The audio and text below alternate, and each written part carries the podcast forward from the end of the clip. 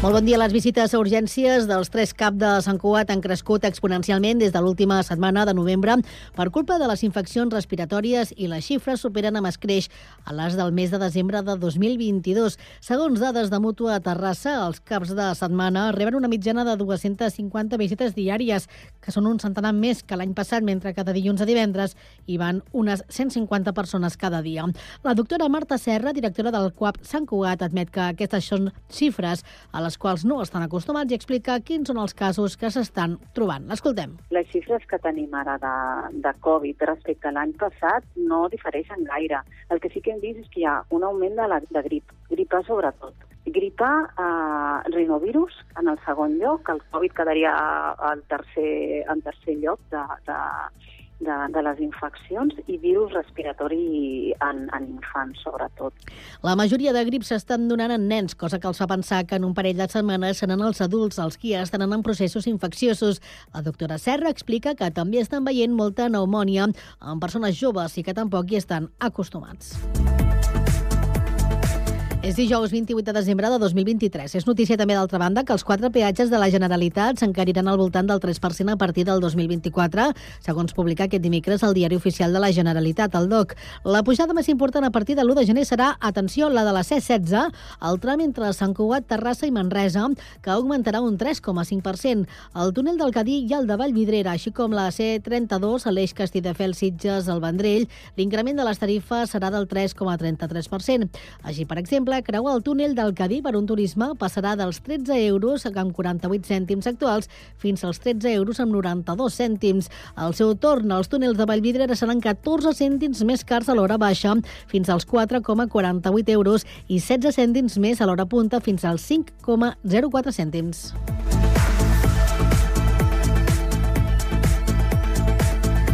El govern espanyol ha acordat també mantenir durant el 2024 els ajuts i descomptes al transport públic. En una roda de premsa aquest dimecres, després de la darrera reunió del Consell de Ministres de l'any, el president Pedro Sánchez ha anunciat també l'extensió durant el primer semestre del 2024 de l'IVA, al 0% als aliments bàsics i del 5% per a altres productes de primera necessitat, com pastes i olis.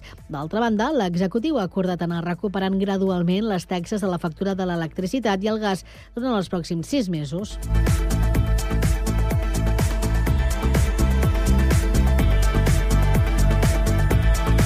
Cugat Mèdia, la informació de referència a Sant Cugat.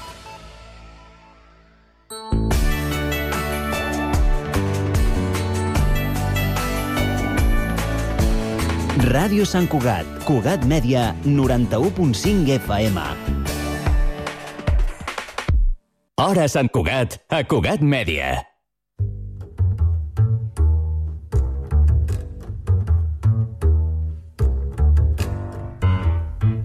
Els oficis del llibre. Un programa per explicar quantes mans, quantes veus i quanta gent és necessària per tenir a casa els llibres com a companys.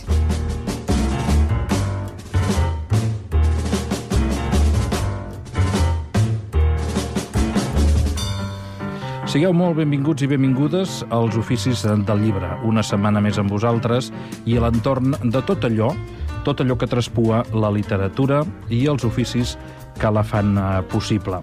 Hi ha un terme, un terme d'ús ben poc comú, que defineix o designa la tristesa que causa la destrucció del nostre entorn i de retruc de tot el planeta, de tot el planeta Terra. Aquest terme és solestàlgia.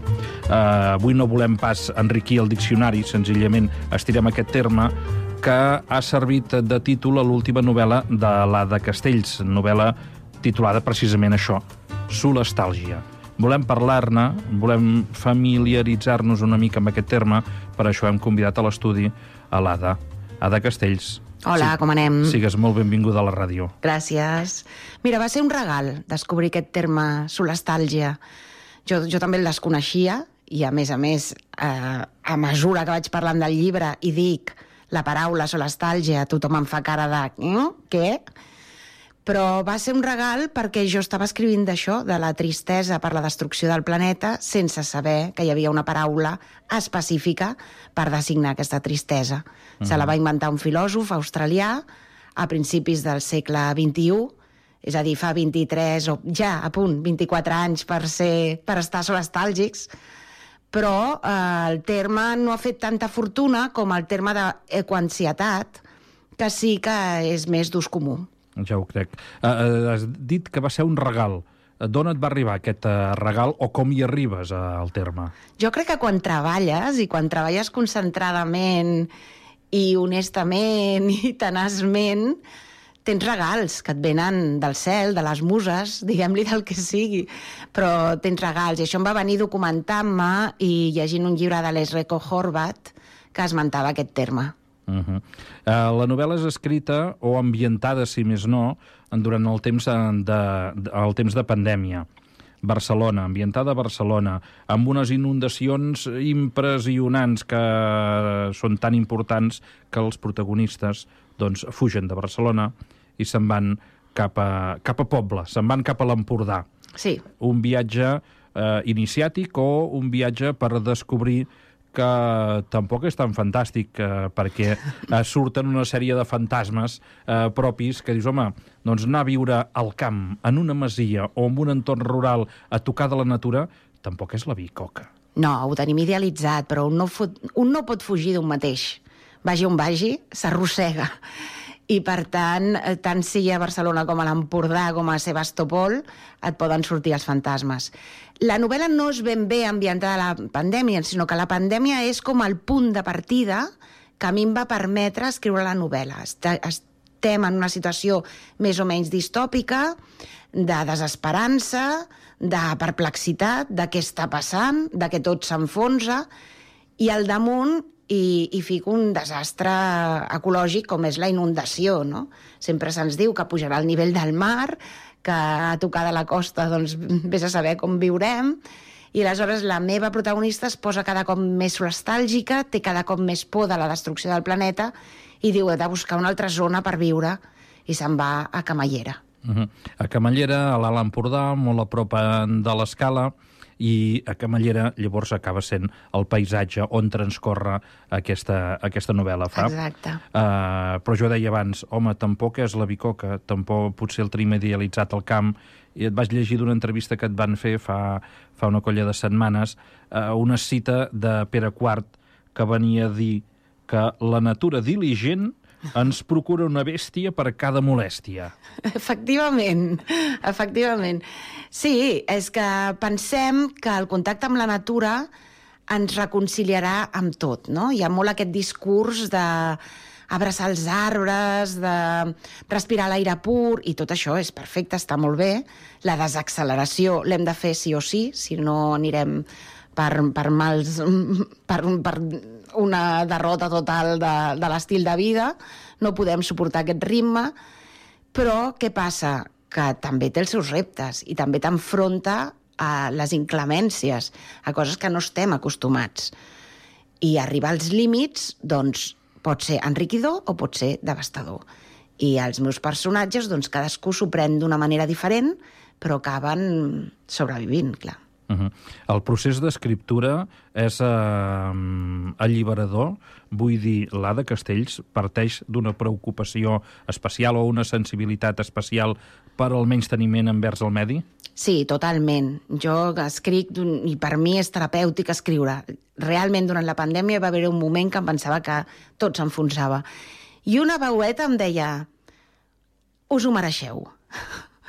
I aleshores, per intentar sobreviure amb aquesta veu de culpa, vaig escriure Solastàlgia i em va anar prou bé perquè vaig descobrir que, que hi ha una esperança, que hi ha una possibilitat de viure el present, que hi ha una possibilitat de reconciliació amb la nostra condició humana, i tot això és el que la, la novel·la no és en aquest sentit pessimista, derrotista, no nega, evidentment, la urgència climàtica, el repte que ens cau al damunt, però sí que és una reflexió sobre que si ens plantegem les coses seriosament ens en sortirem, perquè som grans supervivents, els éssers humans. Ens en vam sortir de la pandèmia, que semblava la fi del sí, món. Totalment. En vam fer uns passos eh, com a societat, com a, um, com a societat mundial en aquells uh, moments que convidaven segurament a l'optimisme, però que ràpid i que fàcilment hem oblidat allò que havíem après aquells dos anys de tancament, no? Sí, perquè vivim en un context molt apocalíptic degut també al bombardeig dels mitjans de comunicació, que hem après que com el titular com més devastador sigui, com més desesperançat, més es clica. Per tant, estem en un context de gran derrota.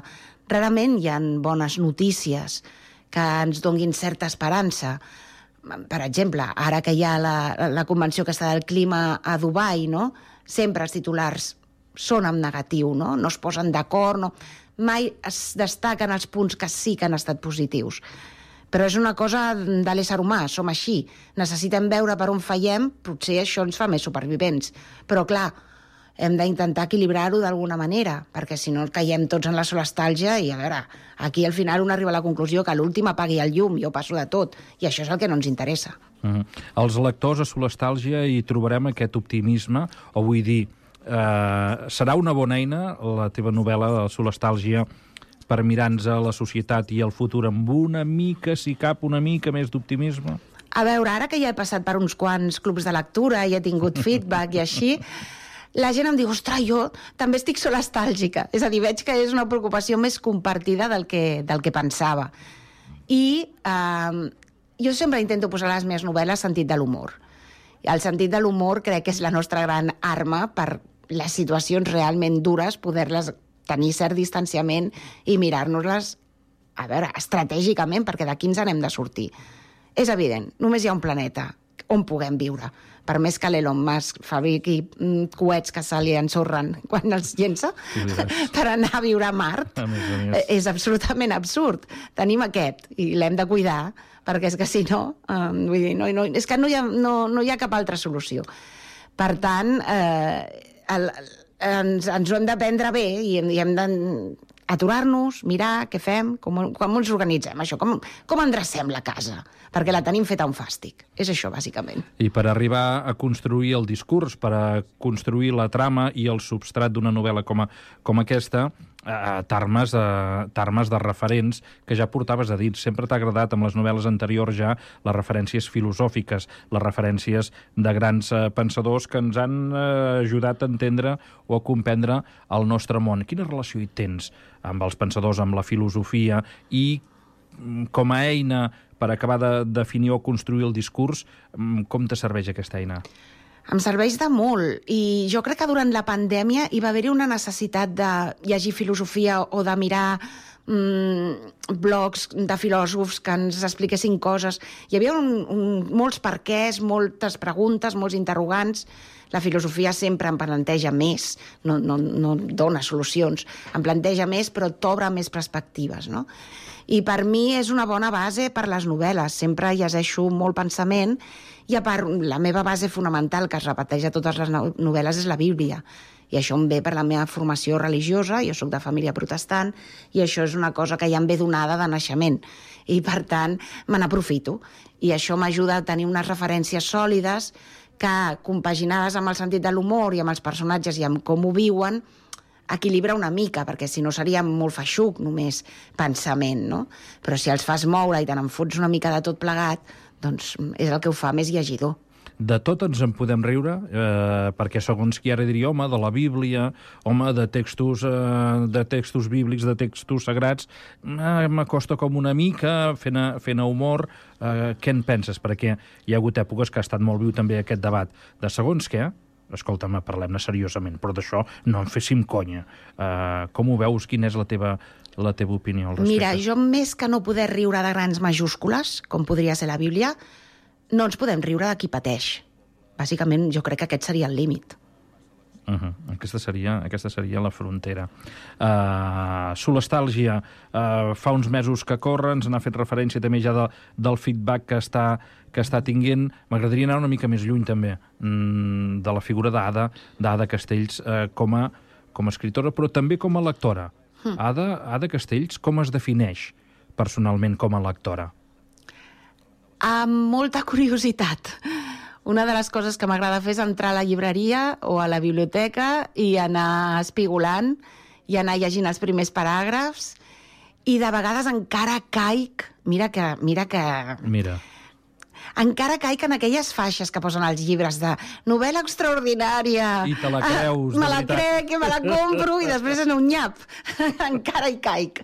Però bé, eh, potser això també em fa sentir viva, no? El poder-me tenir encara l'esperança de que em sorprendran. I, I de vegades em sorprenen, eh? Realment, tot i que les operacions de màrqueting de vegades són realment enganyoses. Déu-n'hi-do. I m'agrada llegir poesia, també, m'enriqueix molt, mm, perquè trobo que té una música que després pel novel·lista és molt bo, pensament, ja ho hem dit, perquè li dona una solidesa al que després tu tens una intuïció del que vols dir, però de vegades es- ten, vas per un camí que ni t'havies plantejat perquè has llegit alguna cosa d'un pensador que t'ho ha fet, que ha fet reflexionar. I novel·la, clar, novel·la encara continuo, tot i que es diu que quan, a mesura que et fas més gran llegeixes més, menys novel·la i més pensament. I potser sí, que he de reconèixer que m'estic fent gran. Mm -hmm. Vol dir que llegeixes cada cop més pensament. Sí, llegeixo cada cop més assaig, sí. Què et va fer lectora? O des de quan? Què et va despertar la passió per la lectura? Recordes primers mites de, de la teva biblioteca? Sí, jo sóc la típica nena de cavall fort. Totalment. I del Jole Sanell de la Guia Fantàstica i del Sebastià Sorribes d'en Jodan Pitus. Els llibres dels grumets de la galera són els que em van formar com a lectora, totalment. Mm -hmm. Per què avui cada cop es llegeix menys? Bé, no ho sé. Si has... Bueno, sí que ho sé. A veure, tenim un estil de vida que fa que sigui l'últim que fas. No perquè no agradi, perquè precisament en els temps de pandèmia va augmentar l'índex de lectura. Per què? Perquè hi havia més temps, perquè hi havia un temps diferent i perquè el treball s'associava a les pantalles. I aleshores, al moment d'oci, no volies més pantalla. Volies fugir, els teus ulls, ja t'ho deia el teu cos, volies descansar. I el llibre és un gran artefacte pel repòs, pel recolliment, per la pau, per enriquir-te. Llegir un llibre és un acte de salut mental. Què passa? Que no estem gaire sants mentalment i vivim d'una manera que no acompanya això perquè arribem cansats de la feina, no sé què, què és més fàcil? Doncs estar ja embrutint-te, perquè és un embrutiment, eh, realment, quan estàs molta estona en el mòbil fent això de, de anar passant el ditet, Anar passant el dit. anar passant el Amunt, ditet amunt, i ara la tonteria avall. 1, la tonteria 2, l'altra, la recepta, el gatet, eh, com decorar la roda de Nadal... Acabes realment enganxat. És, és, dif, és difícil de vegades sortir-ne. A mi em passa. Fins que dius, hosti, punyeta, però què estic fent? M'ha passat mitja hora. I podria haver estat fent alguna cosa que m'hagués... Realment sortiria més, més plena, no? Millor, més tranquil·la. Mm, L'experiència de la lectura es pot viure també a través d'una pantalla? Vull dir, Hmm. les tablets o mm, els e-books eh, que tanta gent tanta gent, eh, tampoc tanta i tanta i tanta, eh? però No. que molta gent lle llegeix, tu la, la conceps com una experiència positiva? És igual llegir una novel·la amb una, de, amb una pantalleta que llegir-la amb l'element paper i llibre? A mi una de les coses que em molesta de l'e-book és que no, no sé on sóc. Uh, ja sé que hi ha el percentatge de la part que has llegit i de la part que no, però això, amb això encara no m'he basat i em molesta no controlar i després em molesta no poder anar enrere i trobar aquell paràgraf que m'havia agradat. És a dir, trobo que estic menys lliure per, per anar amunt i avall del llibre. El que sí que m'agrada és que de vegades un llibre et porta a l'altre. I aleshores, quan estàs llegint i fan en referència a un llibre i t'ha cridat l'atenció, clar, amb l'e-book fas patapam i te'l baixes i el tens. El compres, eh? No pirateges. Uh -huh. I el tens en el moment. I això està bé. Dic, hi han coses bones i dolentes. Jo que sóc despistada i m'ho deixo tot, doncs tenir un e-book de referència per quan m'he deixat un llibre que vull llegir, doncs està molt bé. Ara, mm, a casa tinc una biblioteca enorme que m'ocupa molt, però que també queda molt bonic.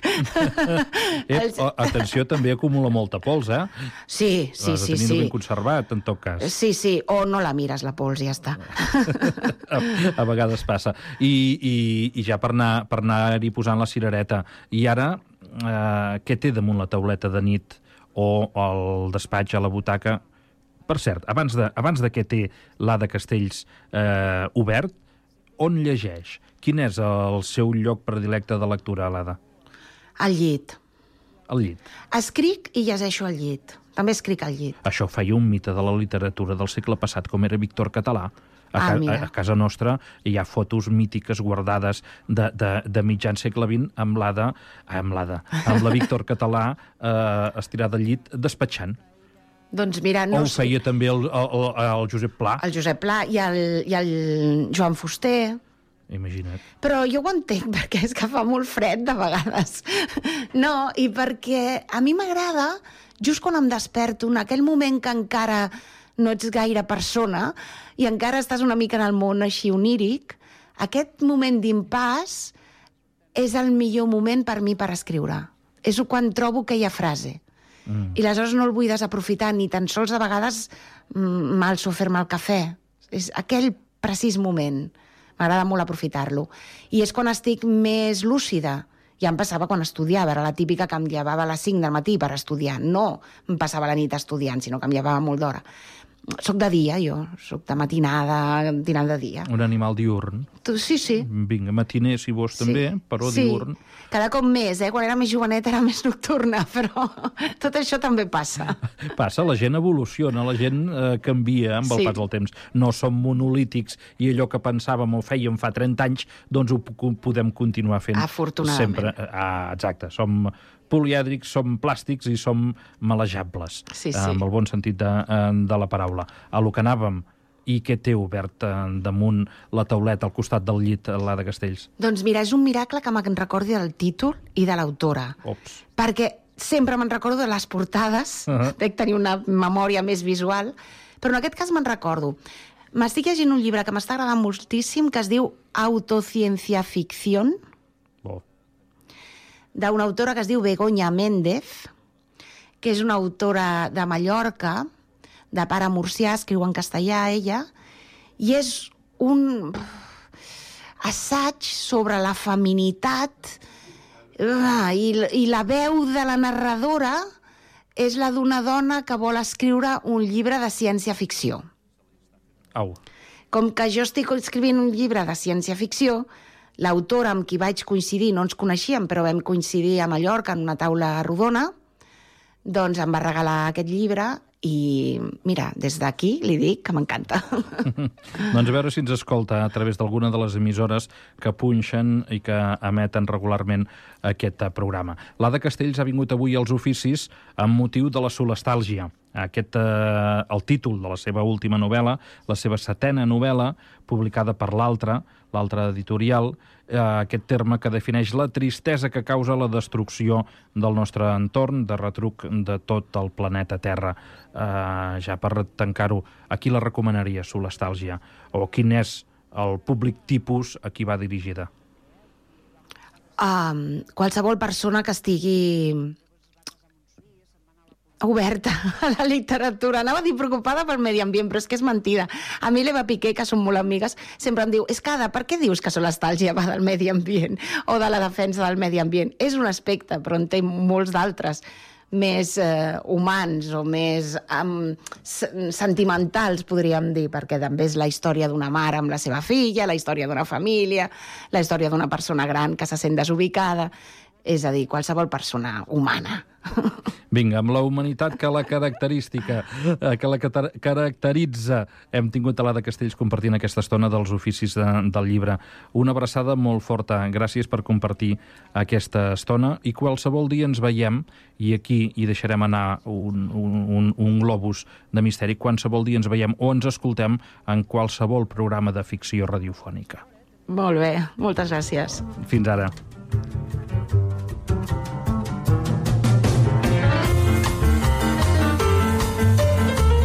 Els oficis del llibre t'ofereix una estona per a compartir el plaer de llegir i un moment per a recomanar lectures per a tothom.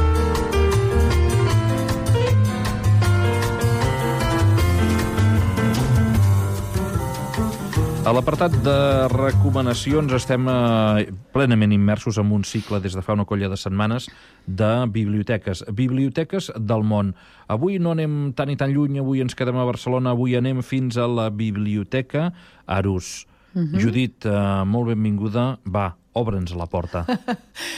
Aquí ho teniu fàcil, eh? És a la vora de tothom. Vull dir que amb tren, amb cotxe... amb metro, si ja hi ets allà a la capital de Bar a Barcelona, doncs la Biblioteca Pública Arús està a l'Eixample.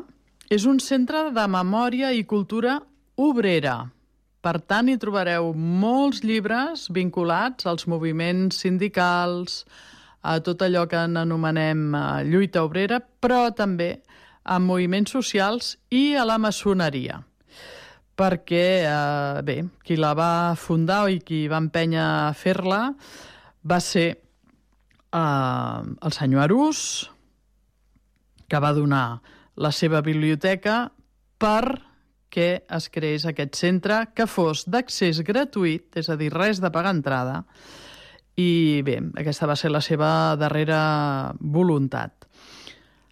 La seu de la Biblioteca Arús la va concebre a finals del segle XIX l'arquitecte Bonaventura Bassagoda i Amigó, que és un arquitecte d'aquests també coneguts. I el seu dibuixant, un dibuixant i pintor, en Josep Lluís Pellicer, en va dirigir les tasques de decoració. És una d'aquelles biblioteques, aquells espais que ve de gust d'entrar-hi i seure-hi i estar-hi una estona, però també de passejar-hi. És molt bonica, tant per fora com, com per dins. Hi trobareu una rèplica petita de l'estàtua de la llibertat que va fer en Manel de Fluixà perquè és com la, la, és la icona laica que il·lumina aquest temple del saber. L'impulsor va ser el periodista i dramaturg Rossèn Arús, que va deixar escrita expressament la seva voluntat en què s'emprès el seu llegat per crear aquesta biblioteca amb vocació política i popular. Ell va deixar 25.000 volums. Ara ja en són més de 70.000 i també els podeu consultar en línia. I a més a més tenim una anècdota divertida. L'any 2011 la biblioteca va acollir milers i milers de llibres i objectes relacionats amb en Sherlock Holmes. Què me dius? Sí. O sigui que si voleu trobar coses al voltant del detectiu, aquesta també és la vostra biblioteca. I, evidentment, viatgeu a peu, en metro, en cotxe, en tren o amb avió, si veniu de les illes, per exemple, doncs aneu-hi, feu una visiteta a la Biblioteca Pública Arús. Val la pena. Aquí està dit, eh, seguint aquest eh, cicle de biblioteques, eh, Judit, eh, gràcies per la visita. La setmana vinent una altra. A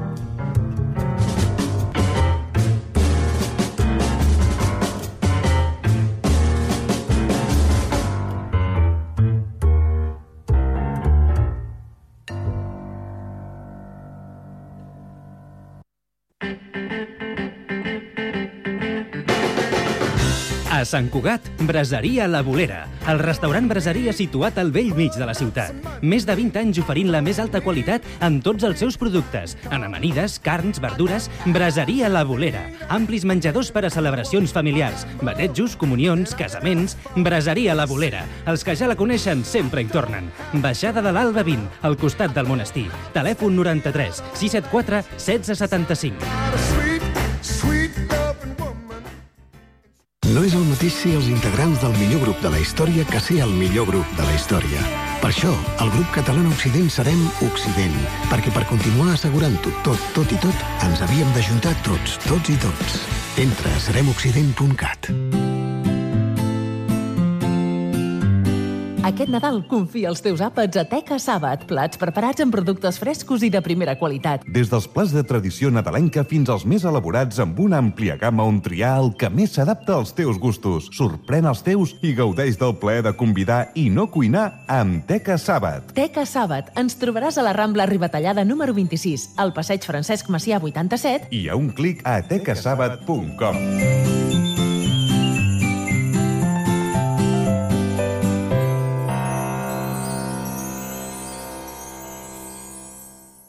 Cocodril Club. Si t'agrada la bona música dels anys 60, 70, 80, escolta Ràdio Sant Cugat els divendres a la nit de 10 a 12. És el temps del Cocodril Club, tot un clàssic de la ràdio.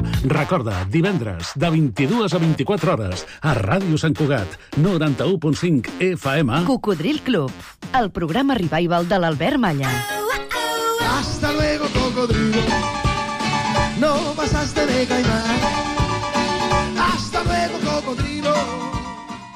ho, ho, ho! Ràdio Sant Cugat et desitja un bon Nadal i un feliç any nou. Hora Sant Cugat, a Cugat Mèdia.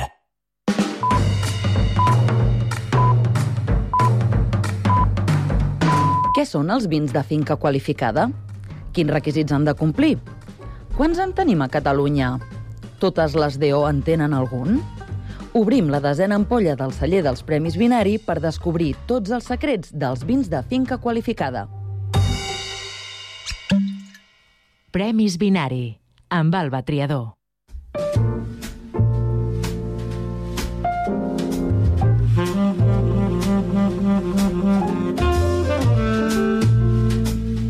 Ramon Rosset, com estàs? Hola, molt bon dia, molt bé. En Ramon és sumiller i el director dels Premis Binari i l'expert que ens acompanya durant aquest viatge pels millors vins de Catalunya guardonats als Premis Binari 2023. Ramon, de què parlem quan fem referència a vins de finques qualificades? Bé, um, un vi de finca qualificada, de, primer de tot, és un vi emparat per una denominació d'origen que per les característiques de la finca d'on prové el seu raïm compleix unes determinades condicions molt restrictives a nivell eh, molt restrictives a nivell d'antiguitat i rendiment de producció, uh -huh. eh, que el, el fa un vi singular. Eh, també, a part de, de que la finca té de complir aquestes condicions restrictives, ha de complir uns certs requisits d'elaboració que estan marcats per l'administració i també eh, són molt determinants per marcar un vi de finca la qualitat del vi, la seva traçabilitat, en tot el procés d'elaboració i sobretot també la trajectòria tant de prestigi com de qualitat en el mercat. Has parlat de requisits d'elaboració, no? Sí. Um, per tant, hi ha d'haver algú que atorgui una distinció en aquests vins de finca qualificada. Qui és? Sí, sí, són uns vins que no se'ls pot autoanomenar el celler, no? en aquest cas, és un, uh, els vins de finca qualificada uh, estan regulats, el, el, atorga aquesta distinció el govern de Catalunya a través de l'INCAVI, però tot el procés està definit i regulat en un article de la llei d'ordenació vitivinícola que està, eh, està publicada al, al, al butlletí del, de la Generalitat. Per tant, vull dir, no, no, és, no és a l'atzar, vull dir, ho compleixes o no ho compleixes. Compleix els requisits o no, per tant, entenc que deu ser complicat que se't doni aquesta distinció. Quants vins de finca qualificada tenim a Catalunya? Ara mateix a Catalunya en tenim 14, eh, de vins que poden lluir a la seva etiqueta el, el fet de que són vins de finca qualificada. A nivell de DOs, la que en té més és la DO Penedès, que en té 5, seguida de la denominació d'origen qualificada Priorat, que en té 4, el Pla de Bages en té 2, i hi ha tres denominacions d'origen, Empordà, Montsant i Terra Alta, que en tenen una. I els requisits que han de complir aquests vins perquè se'ls doni aquest certificat, no? Bueno, són, ens allargaria molt si els hem de citar tots. Els principals. Sí, vull dir, són, són 8 punts que han de complir, val? però, per exemple, el, el primer és que ha de ser un vi produït en un entorn determinat, vale? amb unes característiques d'una finca molt determinada que té una, una microclima propi uh -huh. i que produeixen vins amb unes condicions qualitatives especials i diferents del de la resta de, de, de la mitja de finques, no? Per tant, no és fàcil, eh? No, no, no. Han de venir d'una sola finca, és a dir, no poden venir de... No pots fer doncs, tres raïms de dos o tres finques, això és molt important, per això és un vi de finca qualificada. Uh -huh. La finca ha de tenir un nom, eh, que ha d'estar registrat i verificat de que aquell nom és el de la finca i aquella finca té aquell nom Eh, ha de tenir la protecció d'una denominació d'origen. De moment, els vins que es fan fora de denominació d'origen no, no poden, poden accedir. No poden ser-ho. I llavors també hi ha un tema de que l'elaborador ha de coincidir que és el propietari de la vinya, és a dir, tu no pots fer un vi de finca comprant vi a la, a, a la finca d'un veí, això també és molt important perquè et garanteix eh, bueno, aquest tema.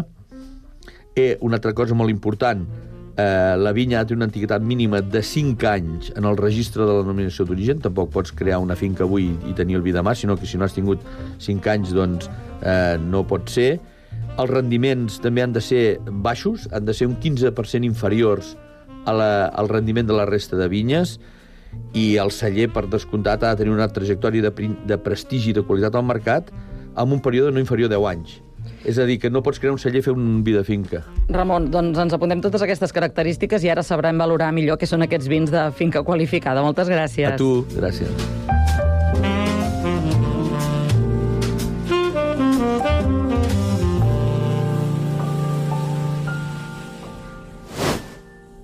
Enguany, els Premis Binari han reconegut amb el Binari Gran Or com a millor vi negre amb criança el Batllac Mas de la Rosa Gran Vinya classificada 2021 del celler Batllac. Marxem fins a Porrera, al Priorat, per conèixer una mica millor aquest vi. Ens en parla Albert Costa, enòleg i propietari del celler. El Mas de la Rosa, eh, Gran Vinya classificada del 2021 del celler Batllac, Eh, es tracta d'un vi que, mm, que representa moltes coses eh, dins d'una ampolla. O sigui, primer és la responsabilitat com a celler que tenim d'embotellar una sola vinya, que és Mas de la Rosa, i després la responsabilitat de fer un vi que et transporti a aquesta vinya. Una vinya molt especial, plantada entre el 1910 i 1920, que intentem que, que sigui de la màxima qualitat possible, però que també eh, respecti molt la tradició, la perseverança i l'esforç que van tenir eh, dues famílies en cuidar aquestes vinyes quan, quan eh, es pagava molt poc pel raïm aquí al Priorat. Per mi és un vi tan personal, tan de territori, que m'agradaria eh, potser un plat d'aquells que fan caliu. No sé, una recepta de macarrons que fem sovint a casa, amb un sofregit de ceba i tomàquet amb oli d'oliva i vi ranci del celler, amb botifarra ecològica de Cornudella i potser un foie gras boníssim de coll verd. Amb aquesta fantàstica proposta per maridar el Batllac Mas de la Rosa Gran Vinya classificada 2021 ens acomiadem. Al pròxim capítol descobrirem tots els secrets de l'Etern 2018, Premi Binari Gran Or al millor vi negre de guarda i millor vi català del 2023. Salut! El sabor autèntic i natural, amb garantia d'origen, el trobaràs a Carnisseria Sagarra. Des de 1960 treballem per portar els millors productes a la teva taula. Carns i aus de primera qualitat amb totes les garanties sanitàries. Carnisseria Sagarra. Qualitat, servei i professionalitat en carns, plats preparats i amb tots els nostres productes. Som al carrer Francesc Moragas 13 i en Davallada 22 de Sant Cugat del Vallès. Ara també pots fer la teva compra online a 3 www.cesagarra.com Un cotxe de carreres, un patinet, un metge de cadells, una pilota de bàsquet, una videoconsola. Aquestes festes ens demanem moltes coses. Les nenes i els nens de Nepal només se'n demanen una. L'atenció que necessiten. Col·labora amb la Fundació Vicente Ferrer. Truca al 900 111 300 i descobreix l'extraordinari poder de cuidar. Estrenem l'APP del Picalletres. Paraules i jocs lingüístics per a tothom. Descarregueu-vos l'APP a Google Play o a l'App Store i comenceu a jugar.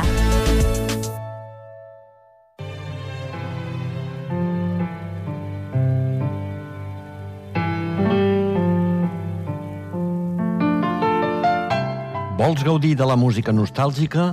Sintonitza Ràdio Sant Cugat al 91.5 de la FM. Escoltaràs cada diumenge a les 6 de la tarda Torna-la a tocar, Sam.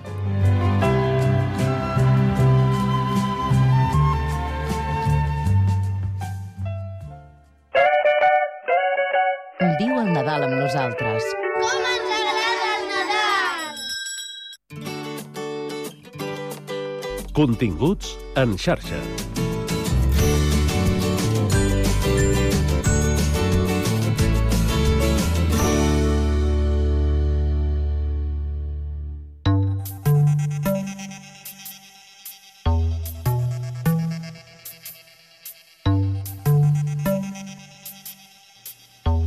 L'Hospital Vall d'Hebron i quatre hospitals espanyols més estan fent un assaig clínic per estudiar l'eficàcia d'una dosi de reforç de la vacuna contra la Covid-19 Bimervax de la biotecnològica catalana IPRA en adolescents sants.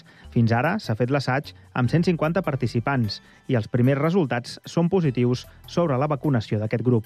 Ara, els investigadors busquen 300 voluntaris menors de 12 anys per ampliar la mostra de l'estudi.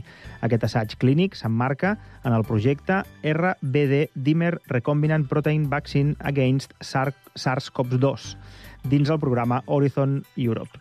Per parlar-ne tenim el doctor Pere Soler Palacín, investigador principal del projecte, cap de la unitat de patologia infecciosa i immunodeficiències de pediatria de l'Hospital Universitari Vall d'Hebron i del grup d'infecció i immunitat en el pacient pediàtric de Vall d'Hebron, Institut de Recerca. Benvingut. Hola, bon dia. Com està anant aquest estudi i per què ara fan falta també provar-ho en menors de 12 anys? A veure, en principi, Um, és un estudi francament interessant que, que va trigar uh, en iniciar-se doncs, perquè haver d'esperar l'aprovació de la vacuna en adults i per tant ens ha agafat en un moment en la qual doncs, la, la sensació d'importància no, de la Covid que tenim i més en, en nanos i adolescents és, és menor, però és, és molt important disposar d'aquesta informació adaptada a l'edat, ara en adolescents i després en, en pacients més petits, en pacients pediàtrics, perquè en cas d'aparició no, de, de soques que puguin donar quadres més greus o de nous eh, processos no, causats per, per coronavirus, eh, disposar d'aquesta informació amb una vacuna que és una vacuna recombinant, perquè la gent ens entengui una vacuna de tota la vida, eh, és extremadament important perquè sabem que tenen un patró de seguretat molt ben definit a la població pediàtrica i perquè, a més, aquesta vacuna està demostrant un benefici a llarg termini igual o superior al que s'ha demostrat amb les vacunes mRNA en la població adolescent que hem estudiat. Mm -hmm. Aquesta dosi és la, he llegit, la tercera, la que seria de reforç en els mm -hmm. infants? Correcte, correcte. És, és una, s'ha plantejat en aquest grup d'edat, com la majoria ja estaven vacunats no? amb dues vacunes basades en, en RNA missatger, eh, l'estudi es va plantejar en forma de, de booster, de, de reforç, com bé comenta, amb una tercera dosi. Uh -huh. um, la, la sensació de la... O sigui, ara, el fet de que ara, quan tenim tots el Covid, per desgràcia, segurament no l'hauríem d'oblidar, eh? però eh, uh -huh. socialment ja no és el primer tema de preocupació, um, la sensació és que ara aquesta vacuna va al ritme, diríem, de, les alt... de, de que sempre s'han fet les vacunes. No? Potser, eh, llavors es va córrer molt, eh, amb tota la seguretat, eh, evidentment, però es va córrer molt i ara tornem al ritme que sempre havien tingut eh, aquestes vacunes, no? Pues unes proves, unes mostres, i amb uns tempos molt més llargs del que van ser les primeres. Totalment. Uh, uh, és, és cert, uh, diverses coses que vostè comenta, no? La primera en què no tenim aquesta percepció de, de necessitat i d'urgència, i això és bo, evidentment, trobant en aquesta situació som, som molt afortunats, uh, i estem en uns, en uns temps no? que, que són més els, els habituals, com bé comenta, evidentment, totes les aprovacions van seguir, tot i que en via d'emergència, doncs els punts de seguretat, però això ens permet doncs, fer els estudis en el ritme, en el ritme habitual. Aquí el, la necessitat que tenim és que aquest projecte és un projecte de recerca financiat per la, per la Unió Europea eh, que té uns temps marcats en els quals tu has d'acabar i són uns temps que tot i que els temps que estem fent servir nosaltres són els dels vacunes normals, són un temps que encara t'exigeixen anar més ràpid. Per tant, per això encara ens és més important poder disposar d'aquests altres 150 eh, nanos, no? nois i noies eh, voluntaris perquè puguin participar i completar les dades de manera que en uns mesos puguem passar a l'estudi pediàtric i saber que tot i que és una infecció que ha demostrat menys importància en el nen que en l'adult de forma molt, molt evident, cas que es produeixin més casos, cas que hi hagi un rebrot, cas que hi hagi qualsevol problema, disposaríem d'aquesta alternativa, provada, validada i aprovada en el seu cas, també en aquest grup d'edat. Uh -huh. I com, com es fan aquest tipus d'estudis? De, és a dir, quina és la metodologia per la gent que no, que no n'estigui avasat? Miri, són uns estudis en els quals eh, nosaltres obrim la possibilitat de participar a, a adolescents, en aquest cas són adolescents sants, sense malalties de, de base, quan eh, tenim la possibilitat que contactin amb, amb nosaltres i en el moment en què contacten amb nosaltres se'ls explica tots els pros i contres, com en fan, fan qualsevol assaig clínic, de la seva, de la seva participació.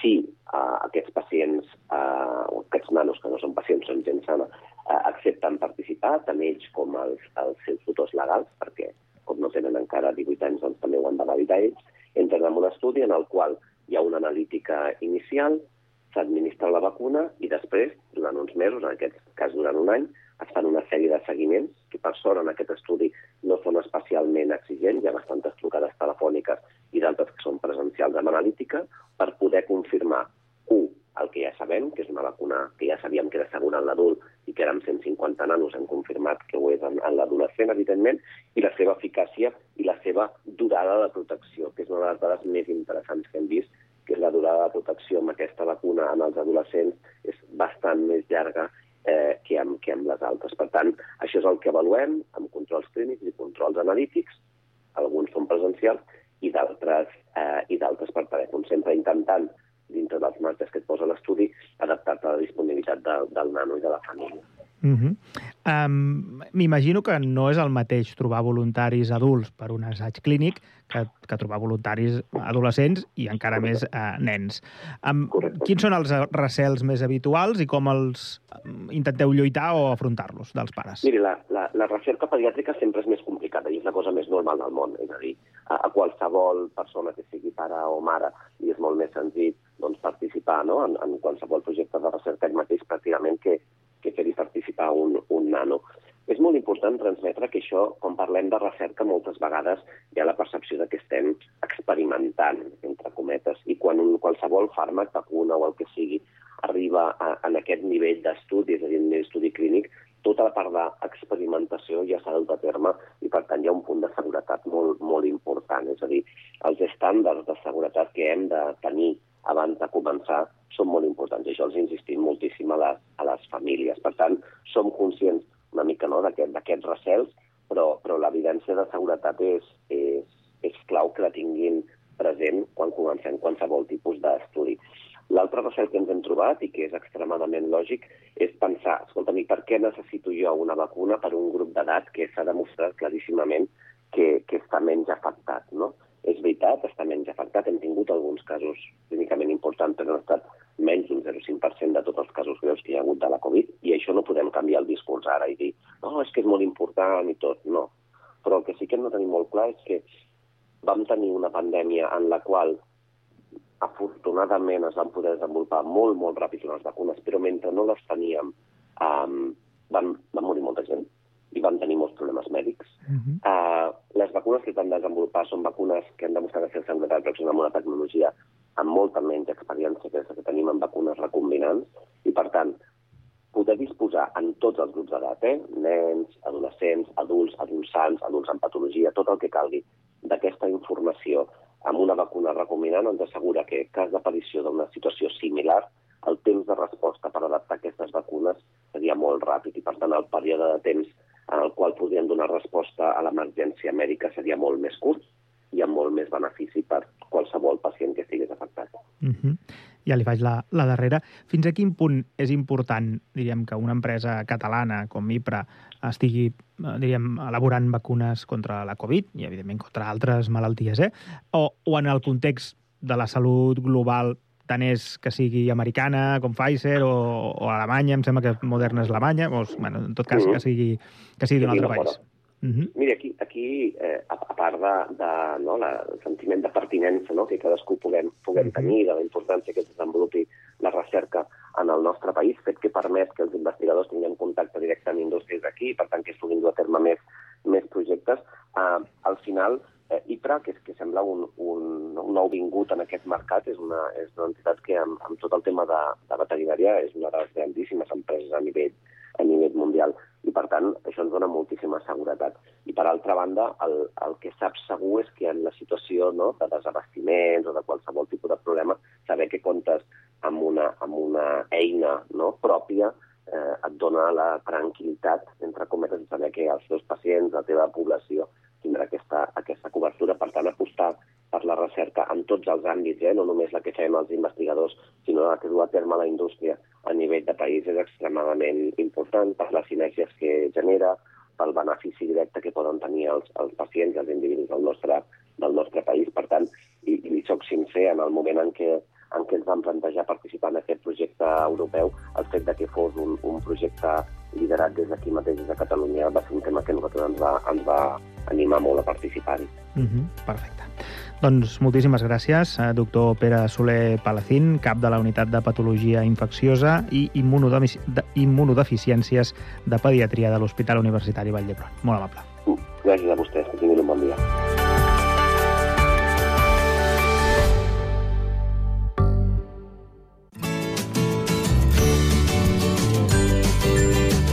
Continguts en xarxa.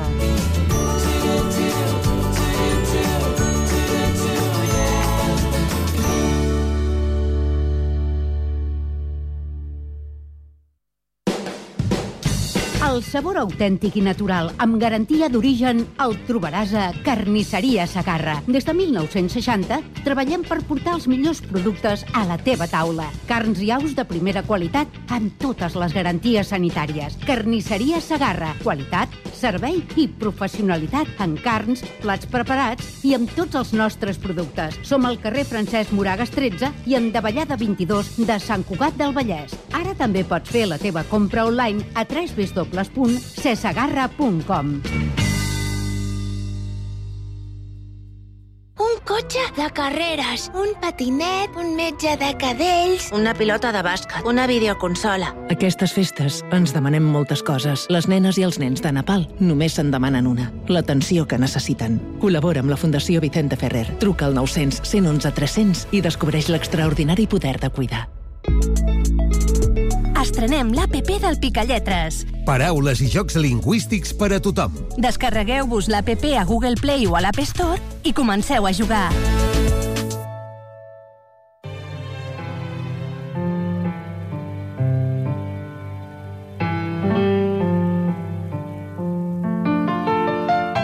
Vols gaudir de la música nostàlgica? Sintonitza Ràdio Sant Cugat al 91.5 de la FM.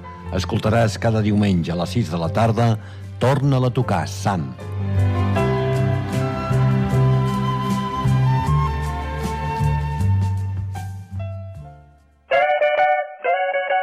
Viu el Nadal amb nosaltres. Com ens agrada el Nadal!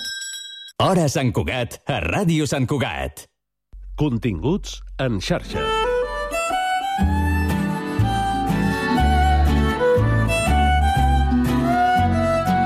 Són dies de retrobar-se amb la família, de passar-ho bé, però què passa amb aquelles persones que no tenen un espai, una casa, un sostre on poder celebrar el Nadal i aquestes festes? Avui ens visita Vicky Molins, religiosa i activista de l'Hospital de Campanya de la Parròquia de Santa Anna de Barcelona, amb qui és un plaer parlar sempre. Vicky Molins, ben tornada, com estàs? Bé, gràcies a Déu, aquí celebrant les festes. Sempre és una bona època. Tu que ets una de les impulsores de l'Hospital de Campanya de la Parròquia de Santa Anna de Barcelona, com se celebra el Nadal a la parròquia? Mira, nosaltres teníem cada dia, continuem venint a esmorzar, a dinar, a sopar, però també tenim un dia especial, que és el que celebrem junts, el dia 24 ho celebrem junts d'una manera molt especial, i dinem tots en aquesta taula de fraternitat, els hi donem regals, eh, fem una mica de festa, que ells puguin també participar d'aquests dies tan macos que tothom celebra en família, perquè se sentin aquí com una veritable família. Per això diem que no és una taula, eh, un, un menjador social, sinó que és una taula de fraternitat que compartim amb ells. No sé si el Nadal té un altre sentit quan es comparteix eh, amb aquestes persones.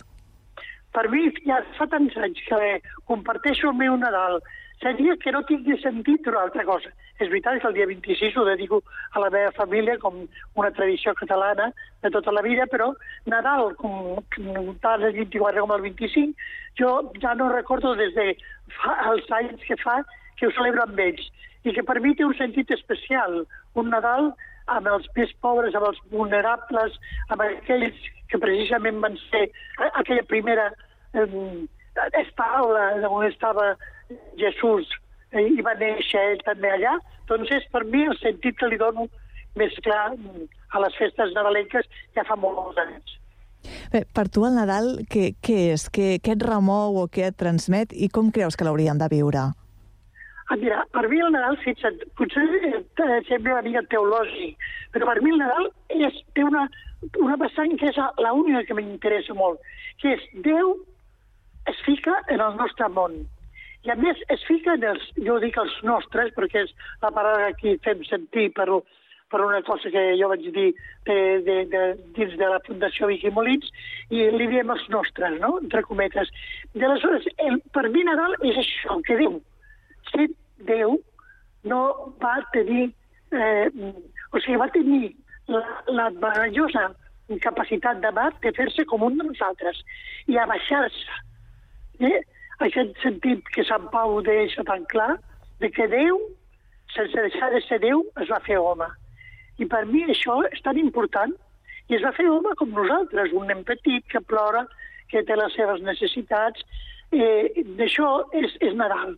I Nadal clar, s'apropa més per, per naturalesa a aquella gent que s'assembla més a aquell nen que va néixer d'aquella manera. I, per tant, fins i tot els immigrants, una parella d'immigrants eren Josep i Maria, buscant també un habitatge, i no el trobaven. Igual que aquests immigrants que viuen aquí, nosaltres, que no tenen habitatge, perquè és el pitjor problema que tenim aquí per als immigrants, doncs eh, s'assimila tant la gent que tenim nosaltres a aquella parella del nen, amb esperant el nen en un habitatge tan pobre com pot ser avui dia un, o, o una garatge o un, una, estació d'aquestes on viuen, per exemple, o a l'aeroport, tots aquests immigrants que, este, que busquen la seva habitatge, doncs s'assenen tant, tant. És una festa que està tan a prop dels que tenim al nostre costat que no es pot celebrar sense ells. De fet, tu portes pràcticament tota la vida dedicada a, als veïns i veïnes del barri del Raval, a les famílies, a les persones més vulnerables. Cada vegada que arriben aquestes dates, al Nadal, que, que implica família, tu abans ho comentaves, no? que a la, en aquest dinar, en aquesta trobada que feu el dia 24, us sentiu com una família. Uh, què, què penses? Què et passa pel cap quan, quan estàs amb, amb aquestes persones? Perquè ara feies aquest paral·lelisme i és curiós i fins i tot potser paradoxal, no? perquè associem molt el concepte de família al Nadal, però no sempre és així. Exactament. I moltes vegades no és així hi ha molta gent que pateix perquè no té família, perquè l'ha perduda.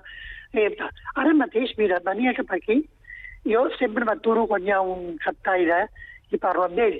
Hi havia un que estava en una cadira de rodes, eh, no tenia cames, se li veia rosa amb ulls clars, ja he pensat de seguida d'on era, i estava jugant amb unes mandarines fent jocs de mans, tirant-les a l'aire. M'he acostat amb ell i he dit que eh, era ucranià, havia perdut les, les cames en la guerra, i aquest home està aquí sol. Aquest vindrà segurament el, el nostre menjador de fraternitat, perquè estava aquí al costat de l'església. Eh, aquest, aquest, aquesta persona, com viurà el Nadal? Si no estem al seu costat i fem el possible perquè aquell dia sigui maco, sigui agradable, normalment ens juntem amb les eh, germanes de l'Anyut, les hermanites del Cordero, i fem una, una festa de Nadal, eh, ens disfressem de pastors de, i un pessebre vivent, eh, aleshores fem que el Nadal sigui per elles el que podria ser una família. I això mm, per mi és importantíssim, perquè no sé, es forma un, un ambient molt, molt maco i molt adient per a aquesta gent. Mm. Fa una estona, Vicky, has parlat de la Fundació Vicky Molins, que ara no fa gaire vam, vam conèixer no?, que es creava, que neix una mica una voluntat de fer per viure la tasca social que tu realitzes des de fa molts i molts anys. Explica'ns una mica, ja més enllà del Nadal, eh, quines eh, són les línies, les principals accions d'aquesta fundació? Bueno, jo, lo de la fundació, el dia que m'ho va dir el pues, em vaig soltar, vaig mm. pensar, clar, hi ha dues coses. Si em diuen que et donen un premi a la teva, teva trajectòria, és que se t'acaba la, la trajectòria de vida. I quan diuen que et fos una fundació, ja estan pensant també per quan jo mori, això és claríssim. Però, clar, per molts anys que visqui, ja estic a punt de fer els 88, doncs no, és normal que es pensi ja en el més enllà. Aleshores, quan em va parlar d'aquesta fundació, jo no li dono importància perquè sé que la mort és el final de la vida, és un moment de la vida importantíssim que em trobarem el Senyor aquí estimat durant tota la meva vida aquí. I aleshores sí que em vaig recordar d'una eh, que sempre explico de que quan Sergio Novella, que era la meva mestra d'Andresa, s'estava morint, em va dir una cosa molt interessant. Em va dir, Vicky, quan jo muera, tu continuaràs amb els nostres? Jo vaig dir, sí, tant.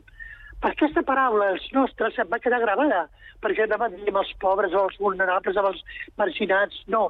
I era un moment, a més, de molta droga, de molta marginació. Va dir els nostres. I aleshores això em va quedar gravat. I per això vaig dir, bueno, molt bé, una fundació farà que quan jo mori continuaré amb els nostres. I això em va fer pensar mm, pues, que era una, una alegria gran que la meva tasca pugui perllongar-s'hi també amb els nostres.